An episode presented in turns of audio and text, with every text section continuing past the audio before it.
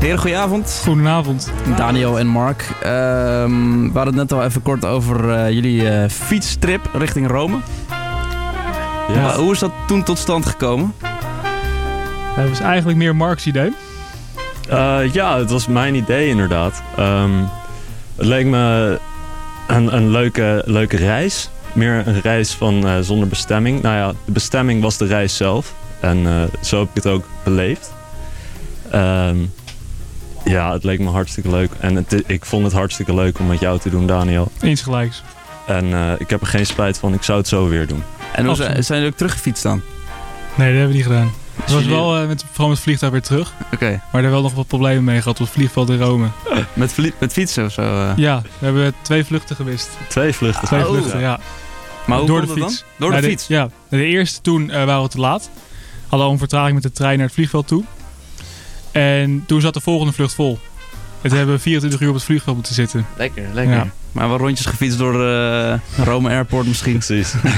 Hey, en eh, j- jullie vertelden dat jullie vlak daarna begonnen met muziek maken. Maar is misschien dan wel het zaadje daar geplant in Rome? Of tenminste in de reis er naartoe dat jullie al een beetje...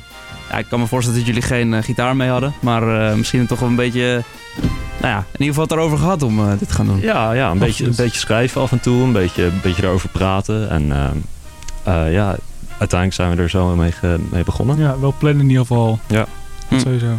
En hoe lang is het geleden? Eh, de Rome-reis is nu 3,5 jaar geleden. Inderdaad, in die herfst daarna zijn we begonnen met muziek schrijven. Kijk. En nu afgelopen januari kwam eh, de eerste EP uit. Ja. Wat is er in die eh, tussentijd gebeurd? Dat is toch best wel een lange periode eigenlijk. Zeker. Wat hebben jullie toen gedaan? Veel opgenomen.